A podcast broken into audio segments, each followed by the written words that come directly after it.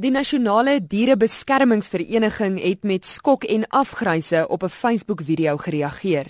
Die video wys hoe 'n rot in 'n gomlokval vassit. 'n Nasionale inspekteur van die NDBV, Arno de Klerk, beskryf wat nog in die video gebeur basies wat die persoon gedoen het en wat dit op op die video wys is dat hy fisies 'n 'n rekkie gevat het en die en die dier geskiet het terwyl hy vasgevang is.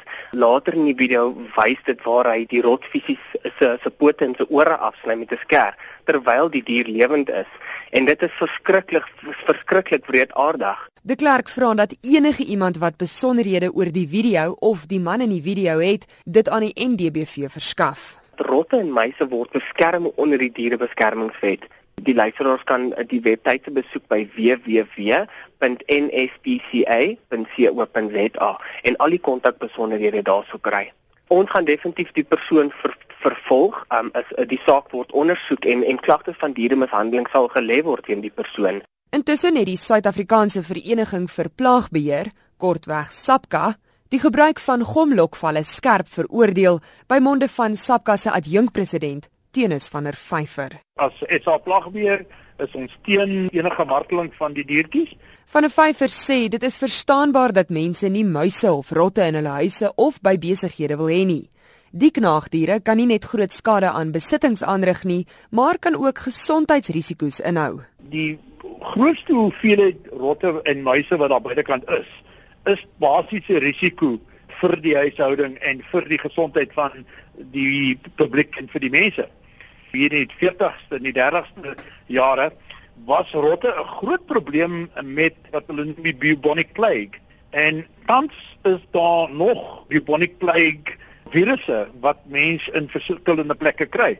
En as as ons nie baie versigtig is nie, kan daai plaag 'n uh, epidemie raak en mense kan doodgaan.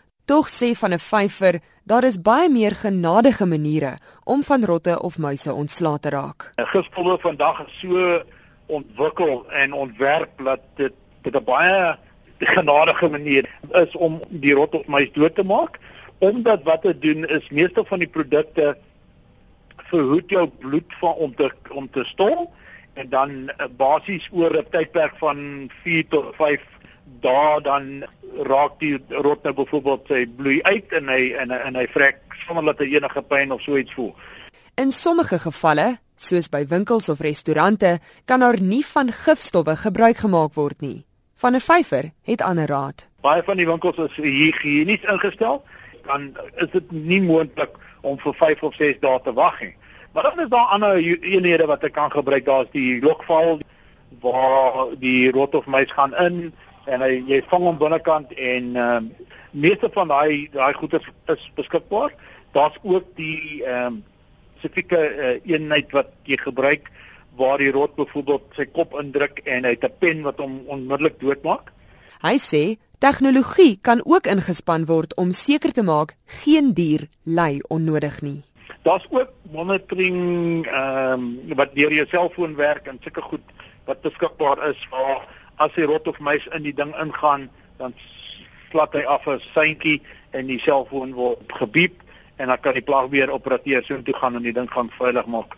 Van der Vyver sê mense moet versigtig wees oor waar hulle aanklop vir hulp en raad wat plaagbeheer betref. Ons het 'n webwerf www.sapca.org.za en enige iemand kan daar gaan kyk. Baie belangrik natuurlik aan die einde van die dag is om geregistreerde plaagbeheer operateurs te gebruik. Die adjunkt president van die Suid-Afrikaanse Vereniging vir Plaagbeheer, Tenis van der Vyver. Ek is Henry Wondergem vir SAK nuus.